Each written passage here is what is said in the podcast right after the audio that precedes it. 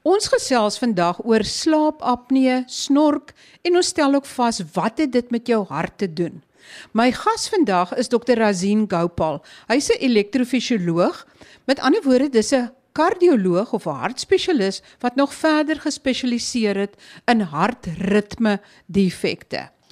Dr Gopal, wat is slaapapnee en het dit 'n verband met snork? Uh, hallo Marie, en ons praat natuurlik oor iets wat uh, baie na in my hart is en wat ek besef eintlik baie belangrik is omdat ten minste 1 uit 15 persone in die wêreld het eintlik obstruktiewe slaapapnee en meer as 50% van hulle gaan ongediagnoseerd bly.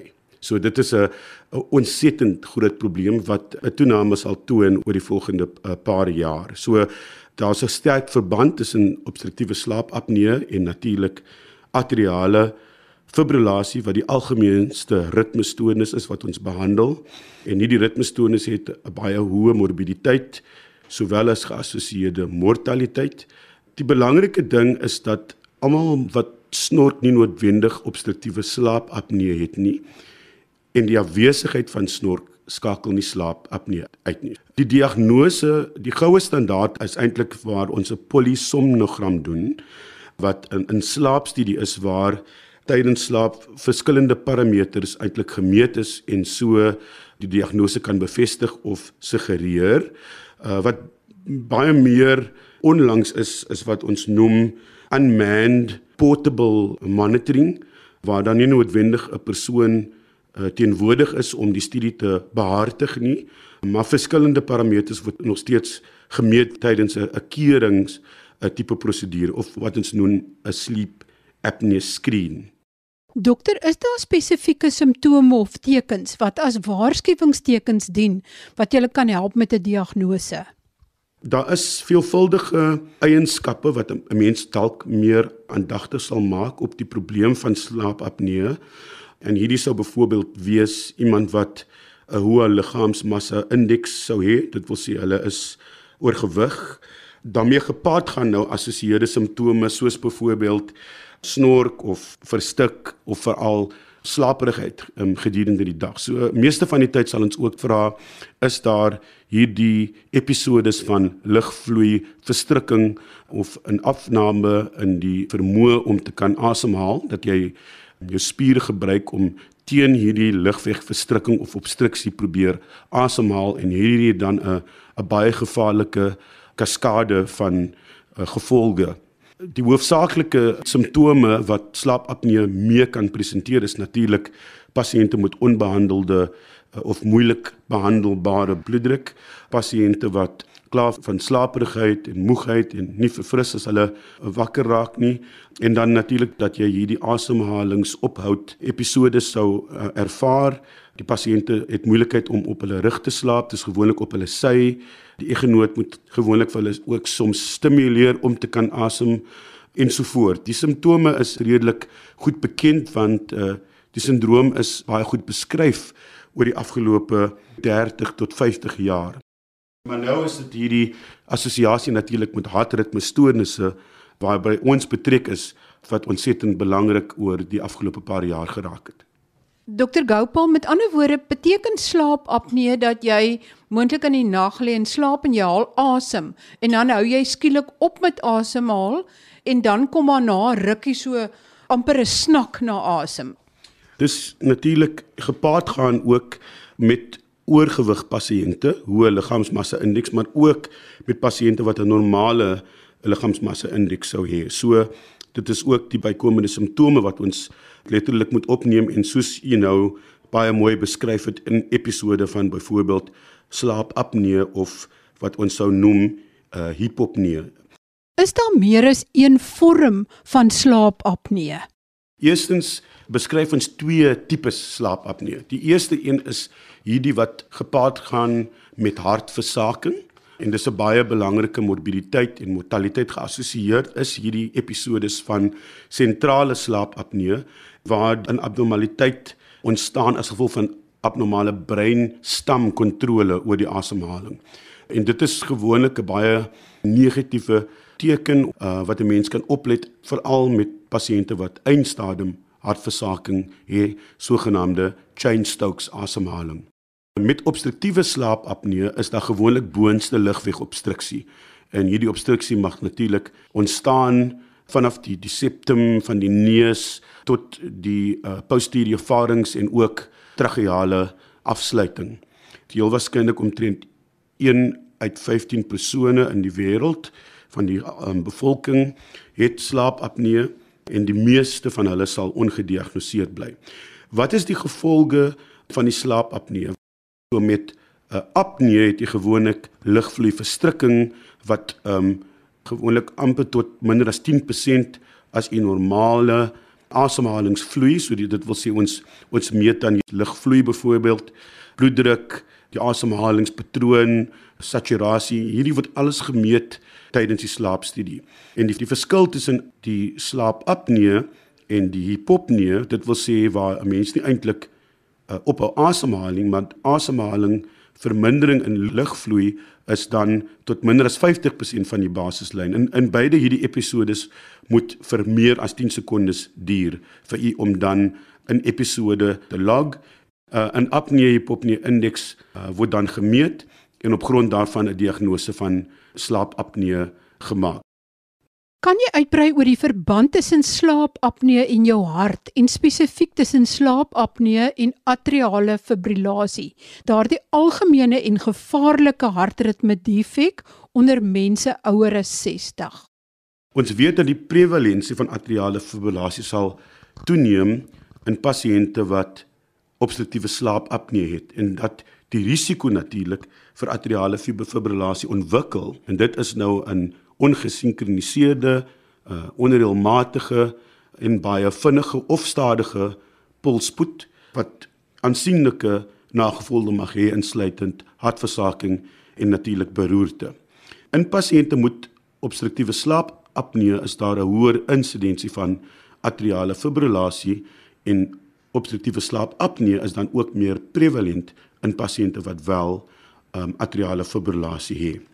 Hulle is half afhanklik van mekaar, die twee siektes. So op grond van die slaapapnee mag 'n mens dan oksidatiewe stres en inflammasie ontwikkel omdat daar 'n groot wanverhouding is tussen die suurstofvlakke wat jy eintlik veronderstel is om te handhaaf en die suurstofvlakke wat jy wel het, sowel as die koolsuurgas konsentrasie in die liggaam, sogenaamde hipoksie en hiperkarbie.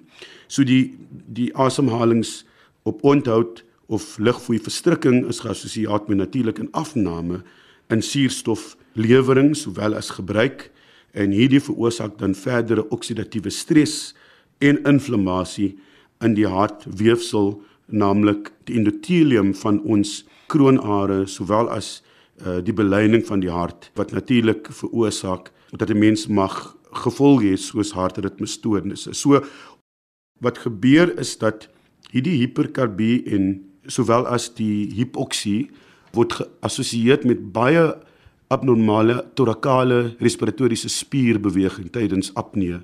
Veral negatiewe intratolakale druk is verantwoordelik vir um, veelvuldige dinge. Die een is dat 'n mens 'n redelike oplewing of sogenaamde surges het in beide die bloeddruk en die polsspoed omdat daar aktivasie is sowel as hiperaktiwiteit van die simpatiese stelsel. So die hoeveelheid van noradrenalien wat ons fight of flight hormoon is, word verhoog in die uh, bloedstroom. Die polsspoed en bloeddruk bereik baie gevaarlike vlakke en dit is veral nadat die lugverstrikking eintlik op uh, gehef word. Dit wil sê daai periode na die episode van asemhalingsopondheid het amper hierdie groot 'n sigtende asemhalingspoging. Dit is vir altydens daai tyd dat 'n mens hierdie oplewing van die bloeddruk en polsspoed sou sien of toename. En hierdie dan word geassosieer met die feit dat die hart 'n hoër nalading het wat dit teen moet pomp. Die ventrikels begin te verdik. So die atriale kamers wat ons vulkamer is en wat verantwoordelik is vir die pomp van bloed na die die ventrikels, natuurlik die onderste pompkamers is, word verdik en hulle ondergaan vergroting uh, sowel as strekking het die vergroting en strekking ver, verander die elektriese argitektuur van die hart daar is baie betekenisvolle strukturele hermodulering en littekenformasie. So dit is eintlik 'n ontsettende giftige kombinasie veral vir die hart self en dit het hierdie nagevolge waar die bloeddruk dan onbeheers kan voortduur uh, ten spyte van veelvuldige middels en dit is een van die redes hoekom daar op een of ander tyd ook gekyk is na die intervensie van wat ons noem renale denervasie uh, om te probeer om hierdie simpatiese stelsel wat opgewek is uh, te demp. Die enigste uh, definitiewe behandeling is natuurlik positiewe druk asemhaling of continuous positive airway pressure wat algemeen genoem is as CPAP wêreldwyd. Hierdie is natuurlik in in hoë druk lugstelsel wat die obstruksie half kan bypass en veroorsaak dat die lugvloei beter is wat al hierdie asemhalings op onthou episodes um, sal verminder en so hierdie bose kringloop hopelik sal sal stop. Die probleem is natuurlik dat intussen tyd ontwikkel die siekte half in lewe van sy eie van atriale fibrillasie begin dan en en hierdie veroorsaak dan probleme soos hartversaking en beroerte en natuurlik veelvuldige ander emboliese verskynsels.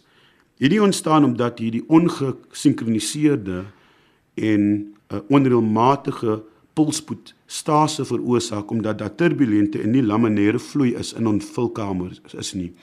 Die stase of half die stilstaan van bloed veroorsaak stolselformasie wat intussen tyd dan sal emboliseer of dit wil sê versprei na areas in die liggaam veral teken organe soos byvoorbeeld die brein of ledemate of natuurlik byvoorbeeld die oog waar pasiënte met verbygaande iskemiese aanvalle of dan 'n definitiewe beroerte mag mee voordoen. Dit is eintlik die meganismes wat die siekte onderhou. Vir my is die klem eintlik meer op die diagnose. Al ons pasiënte ten minste wat met atriale fibrillasie presenteer, moet hinkering ondergaan vir slaapapnee en natuurlik pasiënte met die simptome wat ons vroeër genoem het. Dr Gopal, in watter persentasie van pasiënte met atriale fibrillasie vind julle inderwaarheid kan julle 'n diagnose van slaapapnee maak? Volgens my navorsing sien ek dat die insidensie of prevalensie of persentasie van pasiënte ja mag varieer tussen 15 en en 50%. In ons praktyk sekerlik sal ons sê dat amper 'n derde van pasiënte wat hier presenteer het natuurlik of mag voordoen met met atriale fibrillasie uh, wat 'n klem sal lê op die hoeveelheid pasiënte wat ook 'n hoë liggaamsmassa indeks het en hoe belangrik oefening sowel as gewigverlies sal wees in hierdie pasiënte. Maar wanneer die bose kringloop begin het, die atriale fibrillasie gefestig is, die bloeddruk gefestig is, hartversaking gefestig is, is beide natuurlik gewigsverlies sowel as oefening nie die maklikste intervensies om uit te voer nie veral met hierdie meegaande morbiditeite. So ek lê klem dan op kateterablasie vir atriale fibrillasie wat verregaande die mees effektiewe behandeling is wat beskikbaar is vir fibrillasie sowel as natuurlik die positiewe druk asemhalingsapparaat en bykomende wat vir my eintlik ontsettend belangrik is gewigsverlies sowel as oefening. So die slaapapnee uh, lei tot hoë bloeddruk, dit lei tot hoër um, drukke in ons pulmonale stelsel, so die regte ventrikel sal ook dan as gevolg daarvan kan versaak. Die regte ventrikulêre volume neem toe. Die linker atriale grootte sowel as massa neem toe en sowel as ons linker ventrikels. Ons weet dat met positiewe druk asemhalingsterapie is daar aansienlike afname in atriale fibrillasie sowel as die feit dat ons prosedures baie baie meer suksesvol is. Ek sou eintlik sê dat pasiënte met slaapapnee sonder CPAP behandeling baie suboptimale resultaat sal kry met kateterablasie vir hierdie toestand. Daar is uh, 'n afname in die pulsspoed. Ons vind ook dat pasiënte baie minder episodes van bradykardie sou hê wat ook as gevolg van die autonome wanorde wat daar bestaan tussen die simpatiese en parasimpatiese stelsels met hierdie onderliggende toestand en ook ekstra slaas soos byvoorbeeld ekstra sistole word aansienlik verminder met positiewe druk asemhaling. Um, ek wil ook beklemtoon dat obstruktiewe slaapapnee wel geassosieer is ook met skielike kardiale dood en ook met 'n vermindering in ons lewensduurte met amper 20 jaar. So dit is vreeswekkende syfers en dit is hoekom ek dink dat dit so absoluut noodwendig is om hierdie inligting te versprei en ons bevolking bewus te maak van hierdie baie baie algemene maar ontsettend dodelike siekte. Dokter Gopal, ek is nogal effens geskok want mense leer altyd of jy hoor van cholesterol wat beheer moet word om hartprobleme te verminder en jy hoor van oorgewig en glikose, onbehandelde diabetes wat ook 'n risiko is vir hartsiektes, maar mense het nooit werklik so ernstig gedink aan slaapapnee of wanneer jou asemhaling in die nag onderbreek word terwyl jy slaap en dan dit jy skielik snak na asem dat dit so impak kan hê op die fisiologie van letterlik van jou bloedvate van jou hart, verdikking van hartspiere en so meer. Dit is nogal skokkend. Hoekom is dit nie meer bekend nie of word julle nou eers bewus van hierdie groot bydraende faktore? Ek dink dit is 'n kombinasie van beide dat uh, veral dat ons uh, definitief meer bewus is omdat daar soveel meer van hierdie pasiënte onder ons aandag gebring word omdat hulle kateterablasie sou benodig vir atriale fladder wat die klassieke ritmestoornis ehm um, sowel as atriale fibrillasie wat gepaard gaan met die uh, obstruktiewe slaapapnee. Dit is vir my interessant dat ook dat ek genoem het van hierdie episodes waar ons wel ventrikulêre ritmestoornis sien as gevolg van slaapapnee uh, en waar skielike kardiale dood een van die presenterende maniere mag wees. En ons weet ook dat hierdie skielike kardiale dood wat ons sien in pasiënte veral gebeur tussen 6 uur soggens en 12 uur namiddag. En dit is omdat ons simpatiese stelsels eintlik die maksimale uh, stimulasie het tydens hierdie periodes. En natuurlik alles wat ons nou oor gepraat het, hierdie hele patofisiologie van slaapapnee het te doen met 'n wanverhouding by die autonome stelsel, ehm um, sowel as ooraktiwiteit van beide parasimpatiese en uh, simpatiese autonome senuweestelsels. Dit is indrukwekkend die impak wat dit het. Ek dink dit is 'n absoluut dodelike siekte. Dit moet hoër in ons rang van uh, risikofaktore geplaas word in in terme van cholesterolbehandeling. Die bloeddruk mag we mag wees as gevolg daarvan die onaktiwiteit en lusteloosheid, die bedruktheid, um, sowel as angstigheid prikkelbaarheid wat mag ontstaan lei tot 'n baie baie sterk afname in ons kwaliteit van lewe, uh, motivering. 'n Mens het uh, ook gemoedsteurings. Uh, daar is nie lus vir oefening nie. Daar is nie 'n motivering om te probeer uh, om gewig te verloor nie. So die bose kringloop is ontsettend moeilik om te breek, maar ek kan vir u sê daar is suksesvolle behandeling en ons doen dit op 'n daaglikse basis benodig baie geduld van iemand moet die sal die pasiënt moet evalueer, dan moet 'n keuring wees of hierdie sogenaamde unmanned portable monitoring 'n polisomnogram moet uitgevoer word. Daar is moeilikhede in terme van die fondse benodig vir hierdie tipes ondersoeke. En deur hierdie program hoop ek dat ons kan motiveer sodat um, veel meer pasiënte gediagnoseer kan word en ook soveel meer pasiënte toegang kan kry tot toepaslike behandeling wat ek dink mees belangrikste om op klem te lê is dat hierdie 'n multidissiplinêre siekte is en dat die behandeling van hierdie pasiënte nie mag geskied sonder ons ekspert ondersteuning van ons pulmonoloog, ons neuroloog sowel as baie baie belangrik ons oorneus en keelartse. As iemand nou gediagnoseer word en daar is reeds van hierdie skade, hierdie hele uh siklus is klaar aangeskakel. Is dit dan net behandeling om te keer dat die siklus verder gaan of kan uh, as jy nou nou CPAP hierdie masker oor jou gesig kry of krioballon ablasie vir atriale fibrillasie, kan dit die skade omkeer of keer dit net dat die skade verder gaan? Nee, daar's baie baie goeie bewys dat nie net die patofisiologie en nagevolge van die siekte aborteer mag word nie, maar daar wel omkering is van hierdie strukturele en elektriese hermodulering van veral die hart maar ook ander orgaanstelsels. Vir my is 'n belangrike punt hier dat uh, ons moet probeer om die diagnose so vroeg as moontlik uh, te bevestig en dan die toepaslike behandeling beskikbaar te stel. So 'n ablasie byvoorbeeld is een aspek van die behandeling.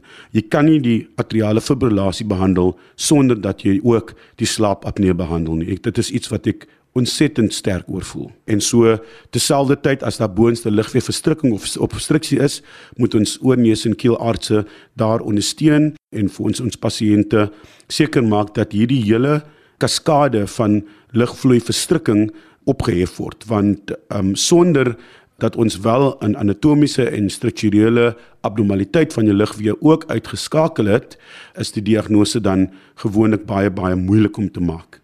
Dokter, wat sou jy sê is die hoender en wat is die eier?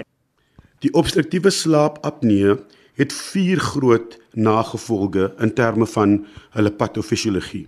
So ek het genoem van die lugvloei obstruksie of lugwegobstruksie. Dit lei tot hipoksie of hiperkarbie, afname in suurstof, toename in koolsuurgas. Dit lei ook tot wanbalans van die simpatiese stelsel, veral met 'n simpatiese oorlading en as gevolg daarvan meer sirkulerende noradrenalien wat ook nagevolge het. Terselfdertyd is daar ook aktivasie van die parasimpatiese stelsel.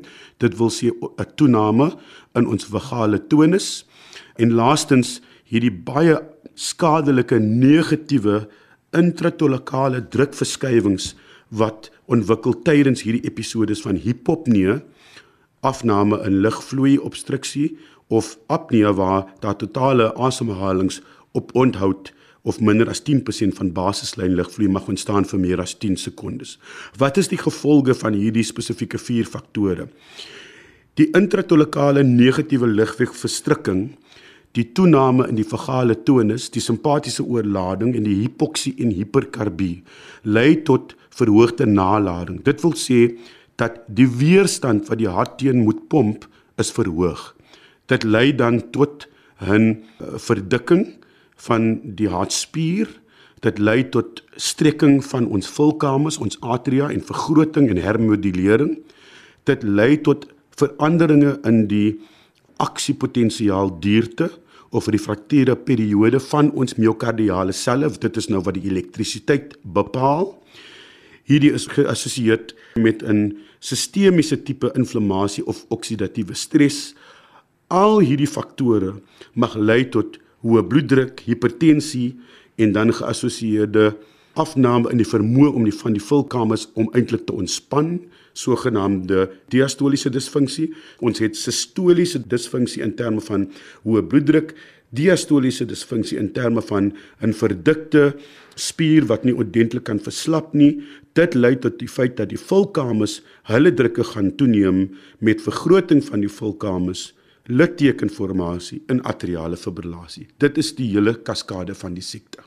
Die wortel van al hierdie kwaad is by te hoë gewig. Ja, absoluut. Um, Gewigstoename, ek dink is een van die hoë risikofaktore. Daar is ander risikofaktore natuurlik waar 'n mens se mobiliteit sou afneem, pasiënte wat ischemiese hartsiekte sou hê, wat nie kan oefen nie as gevolg van hartversaking, uh, pasiënte wat hipertensie het alreeds het ook 'n risiko vir slaapapnee en natuurlik suiker siekte of diabetes. So ek sou sê dit is die hoof risikofaktore maak word. En weer eens dan uh, vir al pasiënte met 'n uh, verdikte nek wat ons sou noem 'n toename in die nek omtrek, sowel as pasiënte met 'n geskiedenis van snork en veral pasiënte wat redelik slaperig voel veral in die namiddag sogenaamde daytime somnolence is almal klassieke faktore maar afname in libido pasiënte wat baie prikkelbaar mag wees, gemoedsteurings. Ja, die die gevolge is baie wyd versprei, Marie. Die kernboodskap vir my as 'n elektrofisioloog wat wat daagliks atriale fibrillasie moet behandel, is dat eerstens is atriale fibrillasie ongetwyfeld die algemeenste ritmestoornis wat 'n elektrofisioloog moet behandel.